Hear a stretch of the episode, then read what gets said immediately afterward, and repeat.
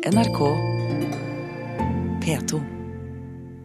Og en av fredagspanelistene det er eh, Vidar Kvalshaug. Velkommen til Kulturnytts fredagspanel. Takk skal du ha. Hilde Sandvik, kultur- og debattredaktør i Bergens Tidende, velkommen. Takk. Fra Bergen. Mm, Ja. Og Anders Oppdal, sjefredaktør i Nordlys. For anledningen i Oslo, det er jo veldig koselig. Vi pleier jo å ha deg med fra, fra Tromsø, ja. Fra boksen i Tromsø. Fra boksen i Tromsø. Det er fint, det. Vi går rett på sak. Eh, Vi har 14 minutter igjen, så der er det bare å kaste seg i det. Denne uken la den kommende regjeringen frem sin politiske plattform. En plattform som ikke akkurat var preget av en voldsom satsing på kultur, kan man si. Kulturminister Hadia Tajik benyttet anledningen til å lufte sin bekymring for mangelen på en overordnet plan for kulturpolitikken, og hun fryktet fire år med handlingslammelse og lave ambisjoner. Og da, kjære fredagspanel.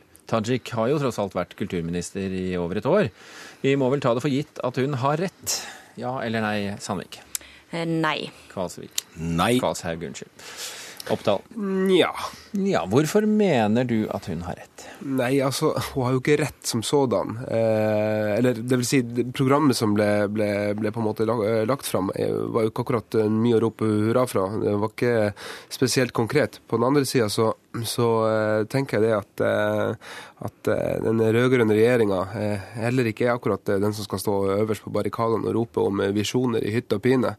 Rett nok har man vært flink å spre penger utover et ganske langt kulturløfte osv. Men, men fra kulturlivet og sånt, så har det sektorvis vært stadig økende kritikk på nettopp det samme som Tajik peker på. Sandvik? Ja, nå er det jo sånn, det er veldig kjedelig svar at statsbudsjettet er ikke lagt fram ennå. og Det er veldig, det jeg er mest opptatt av er f.eks. hva som skjuler seg i begreper som frihetsreform osv. Men handlingslamma kan det jo da ikke sies å være. Det er jo flere konkrete, konkrete diskusjoner som, som kommer opp rundt pressestøtte f.eks. Så vil det bli en stor diskusjon. NRK vil det bli en stor diskusjon. Eh, Men eh, mm, det vil vise seg altså neste uke, tenker jeg. Tror, du, Syns du at Tajik tok litt hardt i da, eller? Ja, men jeg tenker, jeg, tenker altså, jeg, jeg tviler på at eh, Solberg-regjeringen eh, har brukt mest tid på akkurat disse, disse sidene her. Men jeg tok for sikkerhets skyld så tok jeg da altså og fant, eh, fant fram Soria Moria-erklæringen. Og i lengde og i mengde så er, så er, så er de nokså like, altså. Men det er litt flere honnørord da, altså, i, i Soria Moria-erklæringen. Eh, og de honnørordene som er altså det som som er mest honorært her, er vel nå nettopp frihetsreform, som vil jo bli interessant å følge med på. Kvalshaug, er frihetsreform også det du venter mest av? Jeg venter vel kanskje mest av det som faktisk bygger på Hadia Tajiks eget Kulturløfte 3, nemlig dette med kultur nedenfra og kultur desentralisert. Ute, nede, kor, korps, Men det er der frihetsreformen kommer, da. Ja, jeg vet ikke hvor mye frihet det ligger i å måtte høre på korps. Jeg, Sandvik. Det, det er iallfall ikke frihet for, for meg. Eh, Men så håper jeg også på at vi får tidenes gråeste og mest musestillesittende kulturminister. Eh, Fordi her er jeg redd for at det kan bli for mye handling og for mange umulige ambisjoner. Se på alle kultursakene som Frp har kommet med. De har tapt i alle. De ville, de ville privatisere NRK, de ville ta betaling på biblioteket. Ingenting av dette er igjen. Så her håper vi bare på at en kulturminister ikke synes. det blir ikke engang poker på Nationaltheatret. Nei. Det er skuffende, Ja, det er merker jeg altså. også. Ja. Oppdal, vil du også ha en eh, stillesittende musegrå kulturminister? Eh, ja, kanskje, Klart de vil det. Ja, kanskje det. Nei, men jeg tror at det kanskje der eh, frykta først og fremst ligger. eh, At økonomiske økonomisk motivasjon eller gevinst i enhver sammenheng er noe som Fremskrittspartiet har framsnakka i, i, i hytte og pine. Så i den grad det er grunn til å brø- grøsse på kroppen, så er det det fokuset der, hvis det blir veldig dominerende. Men, men her, altså noe av det som er interessant, er jo nettopp, som flere har påpekt, at det har ikke blitt så veldig mange flere publikummere under Kulturløftet. Og hvis en, hvis en klarer å tenke på det, og samtidig tenke på kultur som næring, så er jo det interessant, da. Ja. Er, var det ingen som meldte seg på videre? Det passer utmerket godt til å runde av. i- runde av. Du fikk siste ordet i denne omgang, eh, Sandvik. Eh, Spørsmål nummer to. Når det gjelder moderne arkitektur, er Bergen helt i bakevja. Det kunne vi høre i Kulturnytt eh, denne uken. Selv plansjefen i Bergen, Mette Svanes, mener byen mangler vilje og mot til å bygge mer spennende, og arkitektene sa at kommunen er en brems for fremtidsutvikling. Spørsmålet er, er Bergen arkitektonisk sett en kjedelig by? Ja eller nei? Vi kan begynne i Bergen. Ja. Oppdal? Ja. Eh, Nei. Måtte jeg bare si det? Ok. Bare for å greie med deg, så begynner vi der. Jeg føler at Sandvik er, er, bør få vinne denne diskusjonen også. Men eh, jeg tenker at i byer som Bergen og også delvis Ålesund og en del andre byer eh, med, med en del historisk fasade, så, så må jo alt bygges i samspill med det som allerede er der. Og Det kan godt hende at, eh, at, det ikke er uh, spenstig nok, det som er der, men det er sannsynligvis historisk sett en, en, grunn til det. Jeg tror ikke bergenseren er den som har tatt færrest sjanser i norsk historie. Eh, men altså kanskje arkitektonisk. Eh, Sandvik? Nei, altså Poenget her er jo at det er mye nettopp lokal, altså historisk særpreg som en kanskje ikke nettopp har tatt vare på. Altså En bygger sjøfront, men der må jeg jo si at Oslo sammen med Bergen eh, kan stille seg i første rekke for hvordan en ødelegger sjøfronten sin. Og jeg tenker heller at Oslo er ikke noe spennende arkitektonisk. Jeg tenkte at en begynner å minne om Brasilia, en by som etter hvert ingen ville bo i. Eh, noe av det verste som skjer i Bergen i øyeblikket, er at en bygger et, et gigantisk svømmeanlegg som eh, altså kan ses fra søppeltippen. Eh, og som ødelegger den nydelige brannstasjonen som ligger rett ved siden av Store Lungegårdsvann. Hvis folk tar seg en tur, så kan de se hvordan en arkitektonisk perle blir da altså ødelagt av et gigant arkitektonisk verk som såkalt er signalbygg. Men, men Sandvik, det skjer i Bergen. Eh, Sandvik, altså Bergen sentrum er jo ubestridelig en vakker by. Og, oh, ja. og Bryggen er ubestridelig en vakker del av den vakre, vakre sentrum i den vakre byen. Men andre deler av Bergen er da sannelig litt kreti og pleti, er det ikke det? Veldig kreti og pleti. og Poenget er at Bergen så har han bygd altså suburbia og kjøpesenter uten å bygge veier. Og så har han lagt til veiene etterpå. Og det er, det er ikke særlig gunstig, det heller. Det... det høres ut som Tromsø, det der. Eh, nei, altså, Bergen skiller seg ikke vesentlig fra andre norske kystbyer, egentlig. Det er noen grunnleggende eh, reaksjonær holdning som slår inn straks i noen som kommer med et bygg som er høyere enn fire meter. Eh, så sånn sett så er, så er jo Bergen ganske kjedelig, syns jeg, for å være helt ærlig. Og ganske lik Tromsø, og jeg syns en sammenligning med Oslo, ja, kanskje det. Men, men, når jeg tenker Bergen, så tenker jeg på en måte en typisk norsk eh, kystby, egentlig hvor man trives best med, med, verden sånn som den er, og egentlig ikke vil ha så veldig mye nytt. Men det jeg har, det jeg har hørt i dag, er at Bryggen blir berga. Jeg vil bare ha det sagt. Ja, Han synker ikke. Nei, det er godt.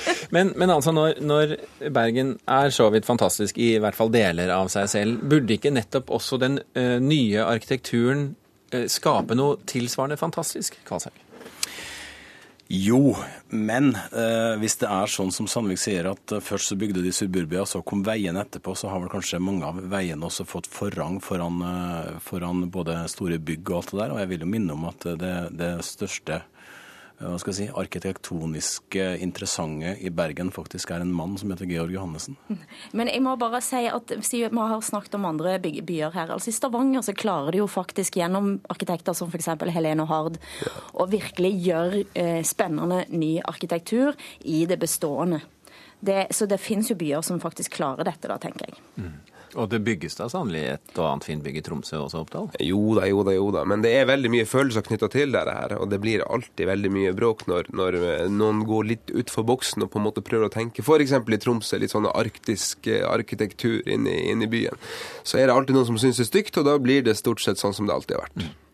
Jeg er helt sikker på Hilde Sandvik, at, eh, at, fraflytting fra Oslo ikke er Oslos største problem. Til tross for ny arkitektur. Ja, men det, Jo, i sentrum. Nei, ja. Ok, vi kan ta, vi kan ta kurs, et kurs på dette ved neste anledning. Vi går til neste spørsmål isteden. Hvem var det som fikk eh, svar, siste svar på dette spørsmålet? Det var Sandvik igjen. Da. Ja, det var det, ja. ja men nå er det, nå er det, min tur til å vinne. Ok, da har vi avgjort det allerede på forhånd, så da lar vi Da, da detter vi ned på oppløpet, sånn at Kvalshaug kommer først når dette er i ferd med å runde av. Vi må ta spørsmålet først. Og det er som følger. I Danmark har en nyutgivelse av Knut Hamsuns gjennombruddsroman 'Sult' skapt debatt den siste tiden. Boken er nemlig, som i Norge, basert på 1934-utgaven og ikke 1890-utgaven. Avisen Informasjon kaller utgivelsen en litterær skandale, for mens førsteutgaven er radikal i språk og innhold, så er Hamsuns siste versjon både snillere og mer konservativ. Så Hvilken utgave ville dere basert en nyutgivelse på her i panelet? 1890 eller 1934, Oppdal? 1890. 18, 1890, selvfølgelig. Sandvik. Ja, selvsagt 1890. Ja, hvorfor er det selvsagt? Det, bare, det er ganske vittig. I informasjonen så svarer Gyldendals Simon Pastanok at eh, vi synes ikke det er noen fremgangsmåte der ugyldig. Vi mener heller ikke at det er klokere enn Hamsun selv å fortsette. Vi skal passe på med å tro at forfattere nødvendigvis blir dummere med tiden, eller har interesse å ødelegge sine verk. Akkurat når det gjelder Hamsun, så er jeg litt i tvil. Og hva, hvilke konklusjoner trekker du av det, Sandvik? Jeg tror kanskje Hamsun ble litt dummere med tiden. Kvalsheim, du er jo forlegger blitt. Ja da. Hva er det som er forleggsteknisk riktig ved å utgi førsteutgaven? På alle mulige parametere så er det riktig å, å utgi 1890, men jeg vil nok si at 1934 eh, er vel ikke det helt store problemet. Den ligger kanskje enda nærmere dansk eh, enn en 1890. Eh, samtidig så må vi nå huske at noen, Men blasfemien var blitt mildere. ja, noen stor skandale kan ikke det her kalles. fordi alle vi som sitter her og som har lest eh, Hamsun på skolen, ungdomsskolen, vi, vi fikk jo sånne forkortede, veldig moderniserte utgaver. Jeg husker, eh, jeg husker selv jeg hadde det, og jeg hadde stor glede av det. Sånn at eh, 1890-1934 er ikke noe stort problem. En revisjon opp mot eh, 2000-tallet hadde vært et større problem. Oppdal? Nei, altså, eh, Det dreier seg jo ikke om Du har helt rett, det er jo ikke noe stor skandale her. Det dreier seg jo bare om et fåtall sider, egentlig, eh, som mangler fra den 1890-utgaven. Ellers så er det vel språklig, så Men Det er, det ikke antall sider som er eh, skandaløse, skjønner du. Det er innholdet. Ja, jeg skjønner det. Og, men, men, men, men, men, men og, da tenker jeg det at altså, verdien i, i, i sult, i, altså gjennombrudd i Hamsun altså det å det å forstå at eh, altså den, den, den radikale Hans, Hamsun, og, og bli kjent med han, eh, det mener jeg har en, en vesentlig verdi. Um, eh, selv om det på en måte ikke dreier seg om de fryktelig store forskjellene rent litterært, egentlig, når alt kommer til alt. Jeg har lyst til å ta et sitat fra den som da ikke kom med. altså Jeg vil heller være en lakei i helvete enn fin i dine boliger. Ja, Det sa han i 1890, det sa han ikke i 1934. Men eh, kan vi utelukke at eh, folk som skriver mye og gir ut mange bøker, gir ut romaner, eh, blir klokere med årene og derav også klarer å forme bøkene sine i, på et klokere vis? Karlsson. Jeg tror sammen, jammen vi ender der, der Sandvik hadde sitt gode poeng i stein. Altså, så nå vinner hun tredje runde også. Ja, vi har et minutt igjen, det er fortsatt mulig å ta henne. Men uansett, altså, Sult er jo et, et modernistisk verk, og det ser vi på med, med forskjellige øyne fra, fra tiår til tiår til tiår. Og jeg tenker at øh, hvordan man så på dette i 34 kontra 1890 Jeg tror ikke man hadde overskudd til til å holde på med slike ting da. sånn at jeg, jeg er ikke sikker på om, om endringene er så fatale, øh, jeg har kikka litt på det, som, som informasjonen vil ha det til. Men jeg syns det er herlig når en litteraturdiskusjon bruker ord som hærverk. Det er Ja, lenge siden. Da er vi i Danmark. Da, Da er vi i Danmark. Tom Christensens ja, fantastiske det. novelle. Nettopp. Nei, roman, unnskyld. Roman, ja. Ok, så da eh, hva, er vi nå enige om hva som er, eh, er Hilde Sandviks eh, kloke sluttpoeng? Ausgabe erster Hand. Unnskyld? Ausgabe, Ersterhand, som det heter. Dette har du pugga, inn, da. Ja, ja, ja. Og det, og det betyr Det er den første utgaven. ja. Aha. Ah, Godt å bli eh, opplært litt, men sånn er det jo ofte med Fredagspanelet, at man blir litt klokere etter at man har hørt det. Det hender at man ikke gjør det, men så ofte så gjør man det. Ja, så i dag så drar vi den konklusjonen. Hilde Sandvik, kultur- og debattredaktør i Bergens Tidende, Anders Oppdal, sjefredaktør i Nordlys, og Vidar Kvalshaug, forlegger og forfatter. Tusen hjertelig takk for at dere var med i Kulturnytt i dag og utgjorde vårt fredagspanel. Hør flere podkaster på nrk.no podkast.